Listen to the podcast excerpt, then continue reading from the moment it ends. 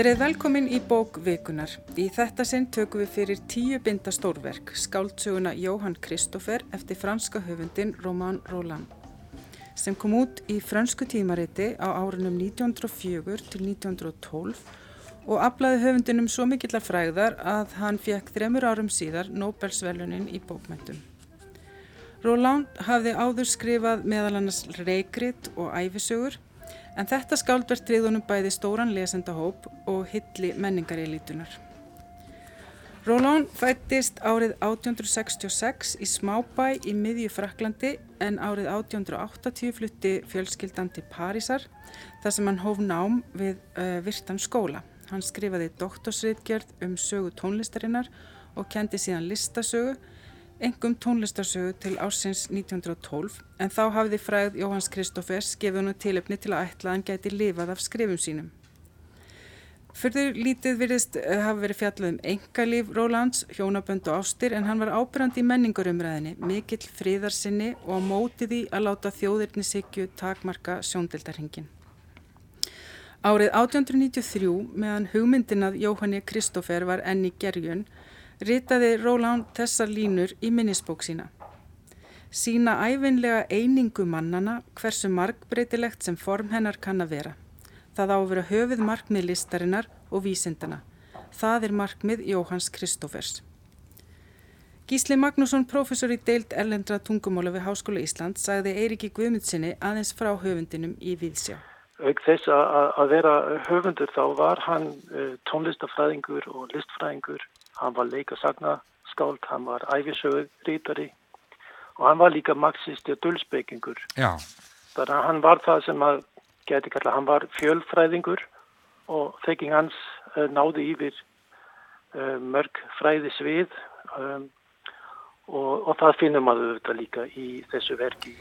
Skáltsagan sem hér er til umfjöllunar er þroskasaga tónlistasnillingsins Jóhanns Kristófers og um leið er það gaggrinin og lífleg lýsing á evrópsku menningarlífi og þá fyrst og fremst menningarlífi Parísaborgar á síðustu áratugum 19. aldar.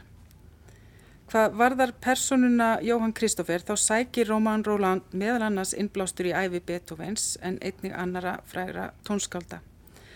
Jóhann Kristófer er tilfinningaheitur, óhaminn og ótemjandi sem í huga Rólands er greinilega ómisandi enginni snillinga en kannski er ástans á lífinu og stórt hjarta mikilvægast eiginleikin. Við skulum heyra hvað Gísli Magnússon hafði meira að segja um Róland og tenginguna við Beethoven. Hann fjekst við Beethoven bara alla sína æfi í raunni og það eru líka, þetta er engin tilviljun að eh, aðalpersona aðalpersonan í, í, í þessari skálsögu er þjóðvergi og, og það er kannski heldur engin tilviljun að, að, að þetta bókin fjallar í raunir um vináttu milli tísk tónskáls og um, fransks höfundar. Þetta er svona tákran fyrir hugsjónir og Magolón. Hann, vildi, hann var mikill fríðarsinni og, og barðist gegn uh, þjóðetnishyggjunni í Evrópu um þessar myndir. Maður finnur hvernig hvernig um, Beethoven fyrir Romain Roland var einhvers konar tragisk hetja en líka bara fyrirmynd ja. fyrirmynd fyrir okkur öll mm -hmm. að, að halda áfram að, að berjast uh, í tilverunni og það, uh, maður finnur auðvitað líka að, að hann er svona að sækja svolítið í hugssjónir Lévs Tolstói um að listin eigi ekki bara að vera tilgangur í sjálfu sér heldur að vera mannbætandi mm -hmm. og einhvers konar uh, vera með andlega vít. Fyrir Romain Roland var, var listin ekki bara list, hún, hún var svona andlega og þetta að því leiti er verk hans eitt stór samhengi, líka æfisögurnar sem fjalla, fjalla öll, allar um uh, mikilmenni uh, og, og, og svona andlegar hetjur og, um, og þá líka hann skrifaði æfisögu Gandhi var í brefaskiptum við Gandhi um, hann skrifaði um endreska speki þannig þetta er, hann er fyrir, fyrir, fyrir og maður sjálfan Var, hann gerði ekki greina mun á milli þessara sviða. Hér saði Gísli Magnússon frá Róman Róland og skáltsögunni Jóhanni Kristófer. Gesti þáttarins eru Freyja Gunnlaugsdóttir, tónlistamæður sem innan skamst teku við stöðu skólamestara mentaskóla í tónlist og Sirard Lemarki, frönskukennari. Verið velkomin. Takk. Um, þið voru bæði ung þegar þið kynntust verkinu fyrst en þú Sirard hefur nú væntilega vinningin hvað það var þegar þú varst bara bann þegar þú heyrði fyrst um Jóhann Kristófer. Já, ég var 10-11 ára gammal, kennarinn uh, í lok dagsins uh, las í halvtíma kannski uh, bókmyndaverk meðan annars uh, fyrstu kapla Jean-Christophe eins og ég kalla hann mm. á fransku og alkoholismin var harmleikur í minni fjölskyldu. Amma mín sem bjó með okkur var drikkjusjúklingur og þetta er það sem ég upplifði svo sterkt, ég var alveg skelvilgu uh, lostinn að því að þessi alkoholismi er ekki séð frá sjónarmiði uh, föður Jean-Christophe en eins og barnið upplifir það pínu lítill. Mm. Ég var að lesa aftur fyrstu kaplana og ég, uh, mér var slábyrrandi, maður sér ekki einu sinni hvað hann drekkur, fadurinn, Melchior. Uh, hann kemur bara fullur heim og þetta er þá sem uh, sonurinn sér hann.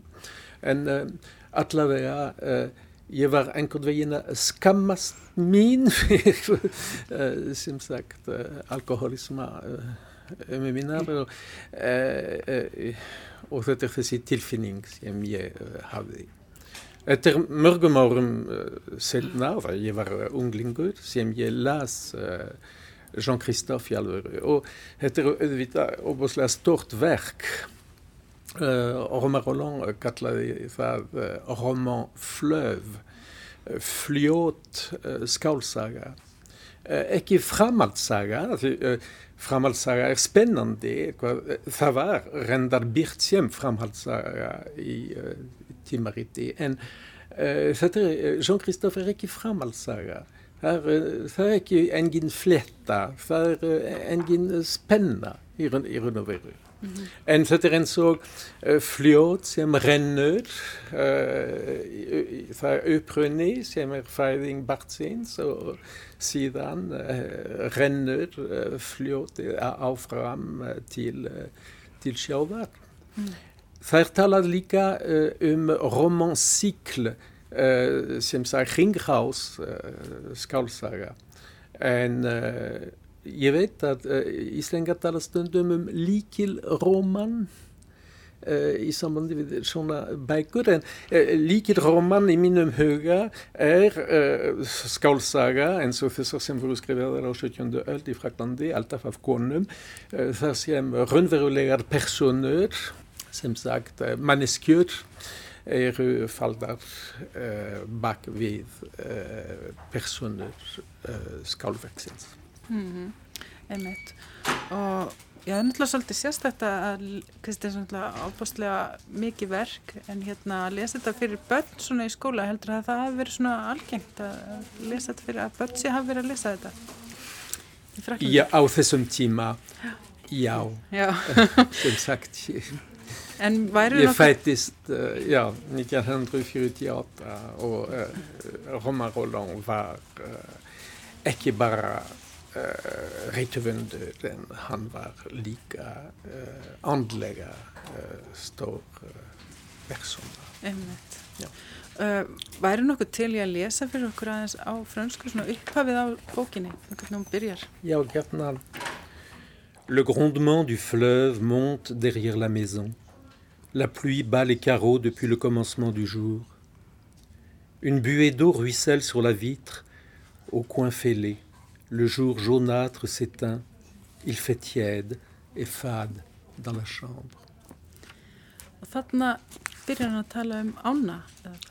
Jú, um, um ána. Og þú talar um þessu flæðandi skáltsaga eða, og áinn rín er náttúrulega bara eins og hvað stór persón allavega í svona fyrir hlutanum, það sem hann eldst upp á rínabökkum, þetta er ábúrslega stórt uh, atriði þessi á. Já. En mit i Koblenz, ekki í Köln, en það sem Beethoven uh, bjó, en við tölum um það, um það setna.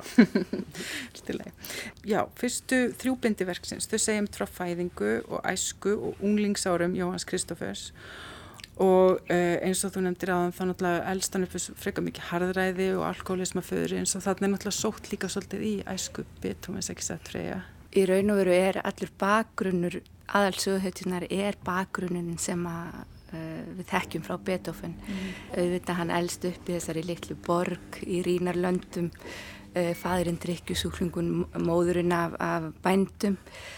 Og þannig að allur bakgrunnurinn er í raun og veru bakgrunnur Beethovens en það er ekki þar með sagt að öll sagan sé saga Beethovens af því að því lengra sem við fjarlægjumst eða því sem líður á söguna uh, því, því þessi, við fjarlægjumst Beethoven eftir því sem líður á.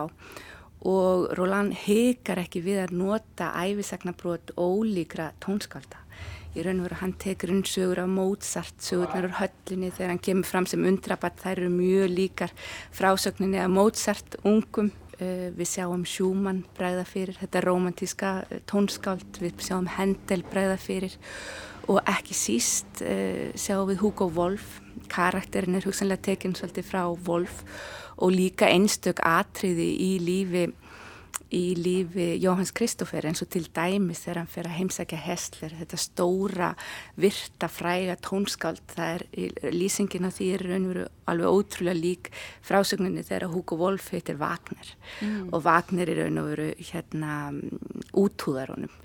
Og það er svo fallið lýsingin í Jóhann Kristófer þegar hann er búin að hitta þetta mikla tónskáld sem er raun og veru bara móðgaran um, og hérna og hann bara fer á, fer á brott og þeir sjást aldrei aftur en það segir sko já þeir voru áfram einir, báðir miklu listamenn sem hefðu geta mæst í listinni en það varð ekki.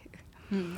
en hann í raun og veru Róland hekar ekki við að nýta sér bara sögur frá ólíkum tónskáldum, frá ólíkum tímum. Og ég held að Jóhann Kristófur er í raun og veru fulltrúi tónlistamanna í gegnum söguna raun og veru þessa tónlistamann sem, sem þjáist fyrir listina, sem er miskilinn af sínum samtíma, sem hlýtur ekki viðkenningu sína, sína samferða manna. Hversu margir listamenn hafa ekki, hafa ekki þjást fyrir listina og ekki hloti viðkenningu. Mm -hmm, og uh, þessi þrjú fyrstu byndi sem við talum um, þau, þau komu út í íslenskri þýðingu Þórarins Björnssonar og það var árið 1947 og síðan komaði út. Eh, Sigfús Daðarsson tekur síðan við sem þýðandi uh, og árið 1967 það kom út síðustu tvö bindin. Uh, þannig að þetta kemur út á svona lengu tímabili líka á Íslandi. Bækurnar voru greinlega til í bókaskopum og mörgum heimilum hérna á Íslandi því að um, það er allavega þannig sem þú finnur bækurnar það ekki freyja? Uh, heim í hillu og þá ertu sjálf í klarinettu námi svo kannski þessi tónlistar umræða hefur vantarlega svona krekt í þig Einmitt, ég hérna, las bókina fyrst bara þegar ég var úlingur og við náum í tónlistskólanum í Reykjavík og ég hefði aðskaplega góða kennara, Kjartan Óskarsson og Alli Heimi Sveinsson sem báðir höfðu dálæti á bókinni og báðir mæltu með henni og hérna þannig að ég fór að lesa Jóhann Kristófer og ég veldi mér upp úr tekstunum og nöyð þess að lesa þessa stóru romantísku skáldsögu þar sem að tónlistin eh, leikur svona stórt hlutverk í raun og veru. Um, það er raun og veru fáum sem tekst svona vel upp að færa tónlistina í orð. Svo margir hafa reynd en það er ekki á mörgum stöðum sem eru svona fallegar lýsingar af tónlist því tónlistin tjáur ju oft það sem við getum ekki fært í orð. Mm og það er raun og veru allt bara frá, frá því að Jóhann Kristófer er bara lítill strákur og er að uppgötta tónana í fyrsta sinn og alltaf að dauðastríðinu í síðustu bókinu þar sem hann hverfur aftur til tónlistarinnar. Þetta eru mjög svona upphafnar lýsingar, þetta eru mjög alltaf því trúarlegar lýsingar á tónlistinni.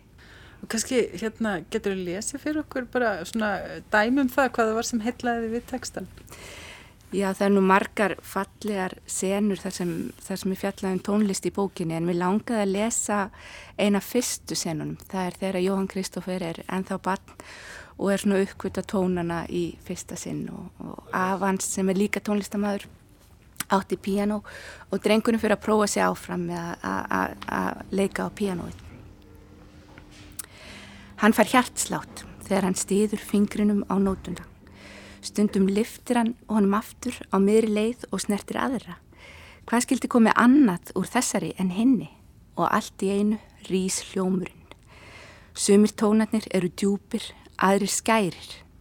Sumir óma, aðrir drinja. Barnin hlustar á þá lengi, hvernum sig á meðan þeir dvína og hljóðna. Þeir vakka sér eins og klukkuhljómur sem berst út yfir agrana og vindurum færist nær eða fjarlæst sitt á hvað. Ef menn leggja við hlustirnar heyrist í fjarska aðrar ólíka rattir sem renna saman og yða eins og flugna sveimur. Þær verðast kalla og lokka langt, langt, lengra og lengra á dularfulla staði þar sem þær skjótast í felur. Nú eru þær hortnar. Nei, en suða þær. Það er örlítill vangja þýtur. Allt þetta er furðulegt. Það er líkt og andar. En hver getur skýrt að þeir skuli hlýða þannig, skuli vera fangar í þessum gamla kassa? Undursamlegast er þó að stiðja tveimur fingrum á tvær nótur í senn. Aldrei verður með vissu vitað hvað þá gerist. Stundum eru andarnir fjendur. Þeir reyðast, berjast, hatast, suða ólundarlega. Rött þeirra belgist, þeir öskra og ímist æsast af reyði eða mildast. Kristófer dáur þennan leik. Þetta er eins og fjödraðar vættir sem býta hlekki sína og lemja veggi fangelsisins. Þær verðast alltaf brjóta þá og riðjast út eins og sagt er frá í æventýrinu um andana sem lokaðar eru niður í arabiskum kistlum undir innsikli Salomons. Aðrir eru smeðjulegir og reyna að lokka með fleðu látum en fyrir þeim vakir aðeins að býta og ólgan yðar í blóðinu. Kristófer veit ekki hvað er ætlast fyrir. Þeir laða hann og gera hann órólegan. Hann næstum róðunar við en öðru sinni eru það ómar sem unnast. Þeir vefjast saman líkt og armar í faðumlugum. Þeir eru indislegir og þýðir. Það eru góðu andanir. Þeir hafa brosa á brá og enga rukku. Þeim þykir væntum Kristófer litla og litla Kristófer þykir væntum þá. Honum vöknar um augu af að hlusta á þá og hann þreytist aldrei á að kalla þá fram. Þeir eru vinir hans, kærir og ljúfir vinir. Drengurinn reykar þannig um í skói tónana og hann finnur umhverfið sig þúsundir ókunra abla sem setja um hann og kalla á hann til þess að kassa hann eða svelgja. Takk fyrir að þarna var verið að lýsa hvernig Jóhann Kristófer kynnist tónlistinni og maður heyra náttúrulega í þessum texta uh, það sem hefur oft verið nefnt varðin þess að uh, þýðingu uh, bæðigagrínu umfyllun og þetta fólk er mjög hrifið af þýðingunni. Og ég vun að segja ég er það líka þetta er svona einstaklega einhvern veginn fallega þýtt bók. Um, textin einhvern veginn já maður, maður einhvern veginn tekur ekki eftir því að það sé neitt miklu hnökrar á henni þó hún sé svona gömur líka Já, textin er bara oft eins og, eins og ljóð, hann er mjög ljóðræð og upp, upp hafinn á köplum. Já. Þú þekkir hann náttúrulega betur á frönsku sér að það er ekkit auðvelt að þýða í rauninni kannski svona texta. Nei, nei, nei, hún er mjög ljóðræn, lýrísk og uh, þess vegna kannski aðeins gammaldags. Mm -hmm og það er svona, það er svona fallega gammaldagsteksti myndi ég segja mm. og það er líka, mér fannst svo skemmtilegt hvað það síðan tekur uh, Sigfúr Staðarsson við uh, sem þýðandi uh, og maður nýtur ekki svo mikið um það þegar maður er að lesa að breytingarnar uh, verð ekki þann, það miklar, hann nær einhvern veginn líka að halda í þennan pínu gammaldagstíl Er þið sammála mér í því? Já. já. Já, já, ég held að það hefur mikið verið talað um það á sínum tíma hvað þetta var í raun og veru áræðið af sig húsi að taka við þessu verki, þessu stóra verki og halda áfram. Þú ert þannig með mjög fallega lýsingar á tónlistinni. Hann, en svo tekur uh, Jóhann Kristófur hann, þetta er svona eins og þroskasaga hann fyrir gegnum ákveðin þroskastig og uppbygging bókarinn er náttúrulega þannig að það eru tíu bækur og það heita alla svona einhvern eins og dögun og, og uppristnin og svo eru fleiri sem svona vísa í það á hvað þroskastig hann er. Og uppristnin er náttúrulega mjög skemmtilega fjörðabindi þar sem hann er svona unglinga einhverjum ham og þar er hann að gaggrýna allt og alla og það aðalega forverana og stóru meistarana kannski og ekkert er nógu gott og þar kannski er hann og hann er sérlega uppsegað við einn tónlistamann sem, sem var kannski yfir staðans þér freyja hvað það er Já, mér var alveg algjörlega misbóðið þegar ég var úlingur og var að lesa þetta í fyrst hvað hann talaði illa um, um Jóhannes Brahms. En eh, maður skilur það núna þegar ég lesa henni dag þá skilur maður eh, hvað hann er að gera. Þetta er náttúrulega uppreysnin gegn kynnslóðinni á undan. Og hérna og náttúrulega auðvitað sérstaklega á því, þessum tíma þarna um aldamótin það eru svo stórar breytingar. Þannig að unga kynsluðin hafnar í raun úr því sem að kynsluðin á undan er að gera. Og það er óbúslega fallegt hérna hvernig uh, kemur fram í bókinni að þegar Kristófur er orðin gamal maður þá í raun og veru horfir hann á ungu kynsluðina sem að hafnar honum en honum þykir væntum þá að því þeir eru eins eins og hann. Og hann skilur að unga kynsluðin þarf þessa uppreist, þau þurfa að, að hérna hafna því sem á undan er, undan er komið. Einmitt, þá verður maður náttúrulega að nefna það að það er náttúrulega, sko, sögumannsröttin er náttúrulega óbúslega írónísk, hann er mjög mikið til fjarlægð og það er mjög gaman að stundu þegar hann segir, sko, Krist, Jóhann Kristófer með svakalega yfirlýsingar og þá segir sögumann, sagði Kristófer, en hann áttaði sig ekki á því að, að þannig var það alls ekki. þannig hann svona útskýri fyrir lesandunum alltaf þegar Kristófer hefur rámt fyrir sér og svo framvist. Þetta er náttúrulega að því hann er að þroskast, þá verður maður að fylgjast með honum uh, svona svolítið vaði vill og svímu eða einhverju leita leiti. Og það er líka mjög áhugavert að undan fjóraðbindinu þá eru svona varnaðar orð að maður eigi að horfa á Jóhann Kristófur umbriðalindum augum að maður ekki að dæma hann of hart þó hann láti öllum yllum látum að því að þetta séur hann eru partur af hans þroskaferli. Það, það koma þarna undan fjörðabindinu líka undan fymtabindinu, það er nú mjög skemmtileg líka, þá byrjar höfundurinn að ræða við skugga sinn sem er, sem er Jóhann Kristófur, það er skugginas og hérna að segja hvað er til að reyna að gera mér með allar þessar yfirlýsingur og þú ert búin að vera að tala núna um allar þýsku meistarinn og ætlar núna að fara að tala eitthvað um frakka. Að því að þá er, fer Jóhann Kristófur til Parísar og þá snýr hann sér að Parísaborgu þeir fann nú ekki betri útreið. Og það er svolítið áhugavert nefndið aftan á uh, kápum þessar íslensku útgáfi þá er svona að þjappa saman mörgum upp, miklum upplýsingum. Það er svona næstu eins og lítil rítgerð aftan á kápinni og í kápiteksta á nýjöndu til tíundabindi það segir Jóhann Kristófer varð summa alls þess sem höfundurinn hafði reynt og hugsað fram til þess en hann rýtaði söguna. Raunar er sjálfsmynd höfundurins að nokkru leiti fólkin í lýsingu Kristófers og að miklu leiti í mynd Ólívers. Sess að Ólífer er besti vinur og kannski stóra ást Kristófers, eða Jóhanns Kristófers. En í kápitekstana kemur líka fram að í einu bindinu er lýsing á æskustöðum höfundarins það er sem sagt Ólífer elst upp þarna í með e, Fraklandi og í öðru segir að, að það sé reynsla Rólands þegar hann kemur til Parísar sem úlingur utan á landsbyðinni að fer til stórborgarinnar. Hann er svona að lýsa eigin reynslu þegar hann er að lýsa því þegar Jóhann Kristófur kemur til Parísar. Og þá náttúrulega komum við þessari staðrenda að Jóhann Kristófur hann er þýskur. Uh, þannig að hann kemur ekki til Parísar fyrir nánu fullarðin og Þarna, þetta, er, sér, þetta er svolítið merkilegt um, að hann skuli ver, láta sögupersonuna vera þýskan.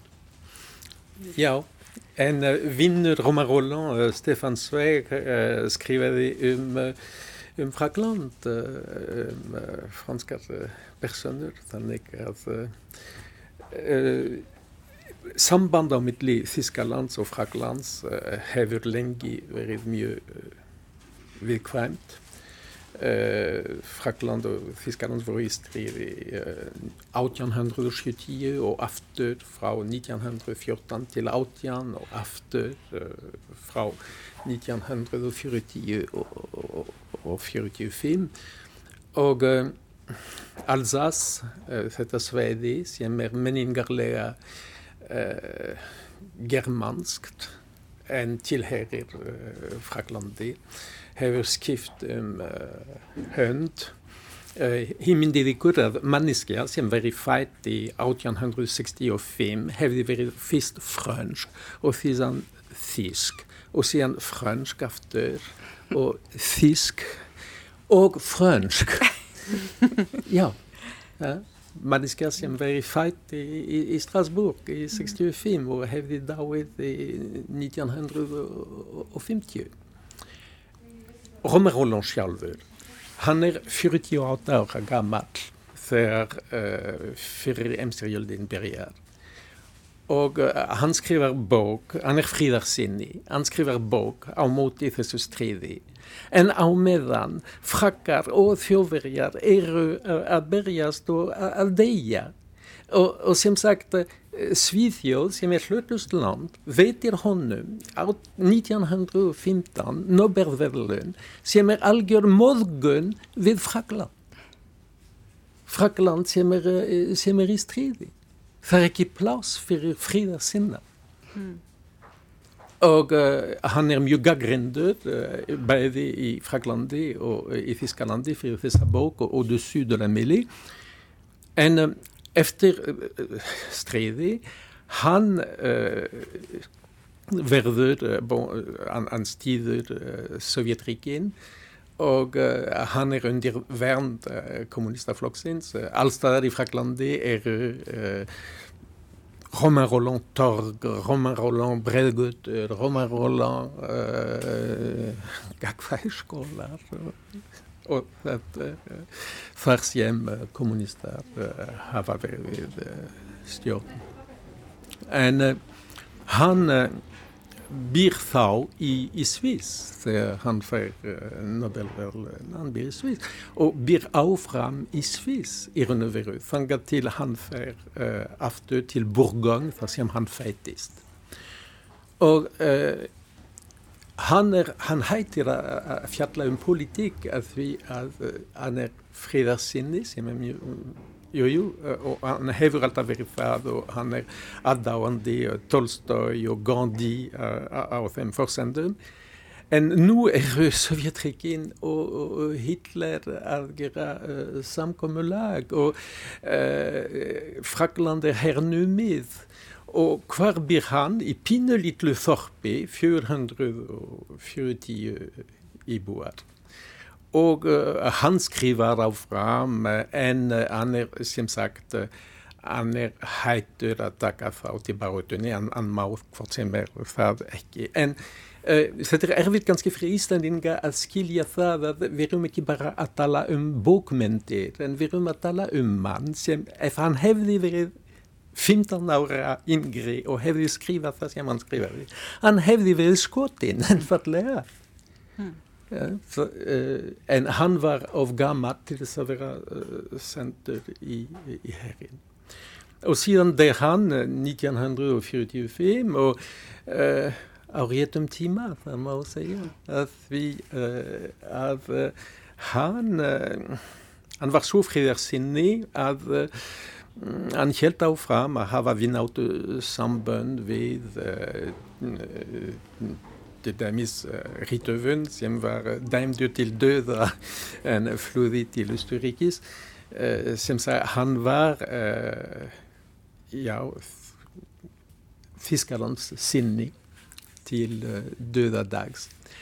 Ervitt avstand, og setnikerne hans var halv svissnesk, halv russnesk, til þess að flækja ennþá málið. Einmitt og ég held að þessi, sko, þessi friðar eh, boðskapur sem þú talar um, hún kemur mjög stert fram í bókinni. Mm. Bókin hefur boðskap og það er þessi friðar boðskapur, hann boðar bræðralag þessara stóru Evrópu þjóða og það er áhugavert hvernig aðalsöguhetjunar eru svona fulltrúar sinnar þjóðar, hvernig Jóhann Kristófer er fulltrúi Þískalands og fyrstu fjórar bækunar fara nú svolítið í það svona að fanga þennan þíska anda sem er uppi um aldamóti 1900 og, og þar á eftir. Og svo taka Parísar bækunar við sem að lýsa samfélaginu í París á þessum tíma og í þeim eru þetta mjög sterk samfélags ádeila sem tekur svo mikið pláss í bókinni að stundum e, e, svona fer sagan, eða svona, eh, já, býður sagan á meðan hann er að koma mm. þessum, þessari ádeilu að. Þannig að hún er svona að, að sömu leiti kjarnin í bókinni. Og þarna kemur líka fram mjög áhugaverð umfjöllun um um gýðinga og við finnum fyrir undiröldunni að það er mikil andúð á gýðingum í samfélaginu en aðalsögu þetta hann er raun og veru lendur í því ítrekað að gýðingar hjálpunum tónlistin hans er, henn er vel tekið af samfélagi gýðinga þó hans er kannski ekkert í grunninn sérstaklega vinnveittur veittur gýðingum þannig að bókin varpar svona jákvæðu ljósi á, á gýðingana Þannig að þarna eru svona ímismál tekin fyrir sem að eru í umræðinu á þessum tíma og er líka mjög sterklega gaggrindur þessi þjóðverðnistefna sem að er auðvitað uppi vaðandi bæði Þískalandi og Fraklandi á þessum tíma mm. og hann í raun og veru hvetur til þess að þessar bræðra þjóðir sem eiga þessar sameilu menningar rætur að það er standi saman og, og hlúi að sinni menningu og listum. Eins og nefndi það var hérna Oliver, hann er uh, þessi vinnur hans sem hann hittir í París, mm. hann er náttúrulega eins og fulltrúið frakka þarna. Og mm. það er náttúrulega þetta með líka að uh, hann uh, þarf að kynnast fransku menningunni, hann er fullur fordóma og alls konar hugmynda þegar hann kemur. Fyrst er hann fullur alls konar ídjalísar hugmynda og svo fær hann áfall í París og, og fullur fordóma og, og svona hérna dómhörku En síðan fara þeir að búa saman, þessi vinir sem er eiginlega svona eins og ástvinir. Það er hann átfúa þarna mjög nána uh, kallvinir sem að, hérna, hann talar reynlega um að þeir verði ástfangnir. Já. Þannig að þetta verður svona mjög sterk ást á millera mm. og þeir fara reynlega að búa saman. Það er hann bindi sem heitir Í húsinu sem er mjög áhugavert. Þeir verða mm. mjög hamingisami saman. En það er náttúrulega líka svolítið þegar maður hugsa um þetta hákrænu hlið með að stefna saman frakkanum og þjóðverðinum og svona. Við getum við ekki öll búið saman í þessu húsi og það verður að tala um nágrannana líka mm. hvernig Jóhann Kristófur svona opnast fyrir honum allar, allir nágrannarnir hvað þeir eru að gera og hérna þeirra líf Einmitt. og ég held að Ólífer gegnir svona auðvitað svolítið leikil hlutverki í sögunni og hann er uh, auðvitað rött höfundar það er auðvitað í gegnum Ólífer sem við kynnumst hinnu sanna Fraklandi, hann kynir Jóhann Kristófur fyrir franskri menningu, fyrir list, eh, franskum listum sem að Jóhann Kristófur hafði svolítið haft óbeit á, hann hafði óbeit á, á spillingunni og hann hafði óbeit á yfirborðsmennskunni sem að ríkti í menningarlífinu í París á þessum tíma. En það er raun og veru í gegnum Ólífer sem hann, sem hann kynnist því fagra og því góða í franskri, franskri menningu og þeirra samband þetta er svolítið uh, vel gert af því að þeir eru andstæður uh, sem bæta hvort annan upp. Og þeir saminast auðvitað í ástinni á listinni og á menningunni. En þeir nálgast á mjög ólíkan hátt af því að Ólífer hann er raun og veru leitar skjóls í listunum frá bara hennum betra raun og veru leika að meðan að fyrir Jóhann Kristófer er uh, tónlistin er lífið sjálft hann getur ekki ánennar mm. lifað en þetta eru náttúrulega mjög áhugaverðar lýsingar á þeirra, þeirra samlífi og, og þetta er raun og veru eina hans eina hamingju samlega uh, samband í lífinu Já, mm. og þannig, já, þannig hann er svona gaggrinni líka eins og Freyja tala um þetta er, þetta er mikil gaggrinni á Frakland líka og Frakka sem er í þessari bók og mér beitt gaggríni já. en uh, við höfum svona svolítið talað mikið um, um persónu Jóhann Kristófer spurning með aðra sögpersonur, Ólífer eins og við höfum talað um hann en það er, uh, það er líka fullt af konum til dæmis Kona. í sögunu já. og hann, uh, hann fyrsta ástinn í lífans ennur reyndar annar ungu maður, Otto, Otto sem að hérna, þeir verða svona ástfangnir en hann er svolítið svona hann hefur hvern sál held ég að segja og það er ekki mjög gott. Og það er svona svolítið gegnum gangandi kannski aðalega fyrir hlutabókana hann alltaf þroskast að þessu leiti líka eða hvað? Já en það er aldrei talað um homoseksualisma Nei, nei, nei. og uh, en mitt bróðir uh, Jean-Christophe uh, gefur í skín að þau séu homar Og þetta er svo mikið sjokk fyrir Jean-Christophe að hann uh, strax uh, fer að slíta sambandi við Otto. Já, einmitt. Að það sé eitthvað meir en bara viðnóta. En eh, svo eru þarna mjög margar konur og það er svona, það er ymist eru þetta á upphafnar og fjarlægar svolítið en það er þarna, svo eru aðra sem er eins og Ada sem eru svona líkamlegar Já. en það er svona vantar kannski eh, ákveðna tengingu við þær eða það er, er ná kannski aldrei þessum hæðum þegar það sló mig svolítið að það er kannski það er, það er mjög ólíklegt að eh, nokkur kona myndi ná upp á hæðir snillinga að mista kosti. Já, ég held að við verðum að vera svolítið umbröðlindi svona þegar við setjum upp kynjaglerugun að því að bókin er nú skrifið bara í upphafi 20. aldar. En við sjáum hérna ákveðna kvempersonur eins og svona giðju ímyndin er mjög sterk til dæmis þegar hann kynist Sabínu, þessari svona dularfullu konu sem að þau mætast í þögninni. Og svo er Grazia sem er svona táknmyndinar ítölsku fegurðar sem færir honum frið. Og þær eru svona á þessum stalli. Og svo eru aðrar gerðir, það eru einhverja skækjur þarna sem að læðast inn. Og svo eru aðra líka áhugaverðar personur eins og til dæmis Anna, þessi sannkristna eða þessi guðrætta hrætta kona, þú get ekki talast við en uh, þegar þau mætast í tónlist, tónlistinni þá sleppa þau af sér beislinu. Mm. Og það eru flóknari hvern personur þarna inn á milli. Einmitt, Þetta er náttúrulega risa stort verk að skrifa á svo lengur tíma. Mm. þannig að það eru mjög marga personur og, og, hérna, og svo líka skemmtilegt hvernig hann skiptur þessu upp í kabla og stundum uh, það er til dæmis fá Ólífur og sýstir hans þau fá eiginlega bara heilt bindið allt inn fyrir sjónarhóttinu bara til þeirra ástæði þeirra sagu sög fenguðu tilfinninguna að hann væri komið leið á Jóhanni Kristófer. Sko þetta var eiginlega svona kærkominn kvild frá Kristófer, Jóhanni Kristófer kaplinum Antonettu af því að þetta er mjög fallið saga og þetta er mjög áhugaverð saga og þetta er fallið hvernig hann fléttar því svo saman hvernig hann þekkir hana aftur í augum Ólívers maður heldur í raun og veru að hún sé að fara að leika stórt hlutverk í lífi Jóhanns Kristófers en svo hittast þau í raun og veru bara tvísvar og en hann þekkir hann aftur í, í augum Ólívers og hérna og sagan fléttast svona mjög listilega áfram. Að uh, þú talar á hann um að Róman Róland, hann var svona mjög ábyrrandi fígura í fransku menningarlíf og þá kannski ekki síst út af pólitískum Jú. ástæðum og það er alltaf mjög skemmtilegt að hann talar í áttundakabla, þá verður nefnd Jóhann Kristófur Frægur.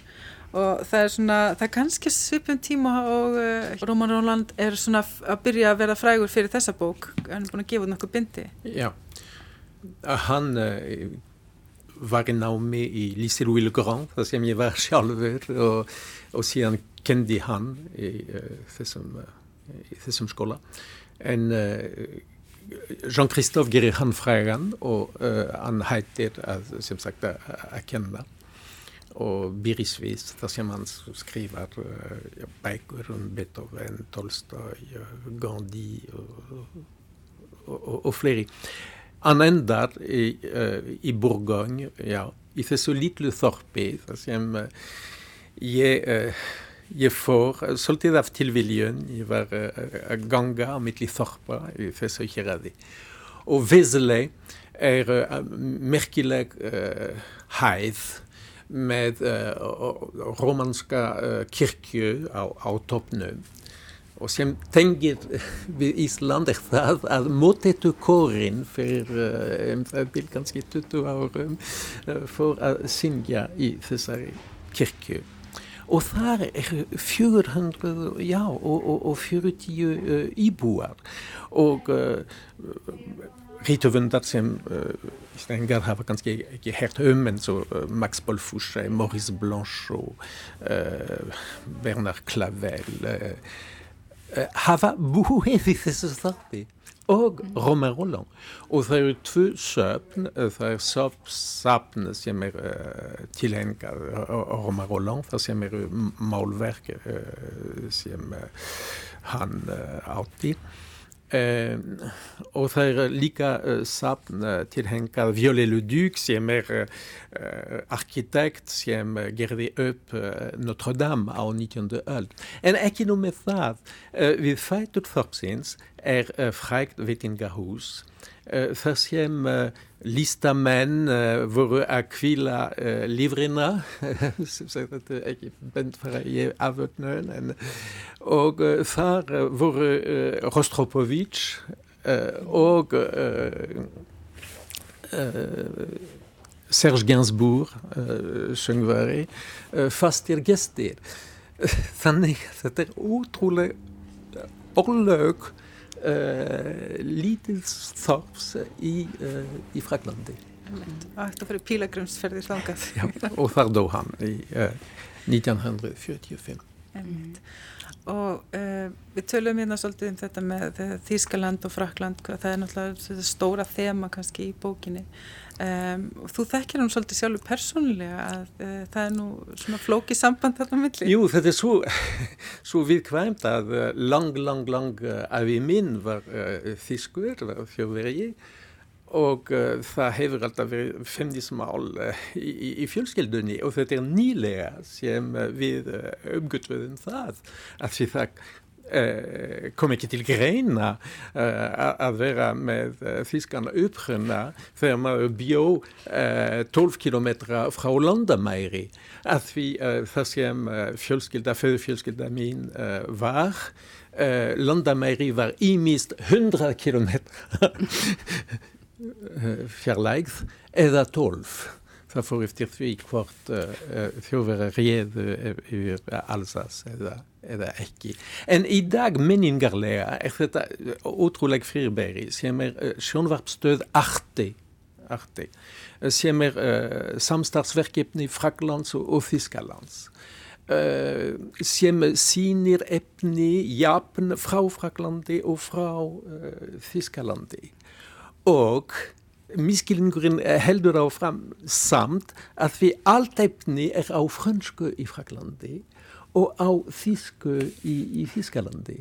Uh, eitt orð enn uh, sem er, uh, við, við erum ganske langt frá Jean-Christophe, en frakkar sjá þískar myndir, dramatiskar sem gefa, sérstaklega eftir gefa svarta mynd af Þískalandi.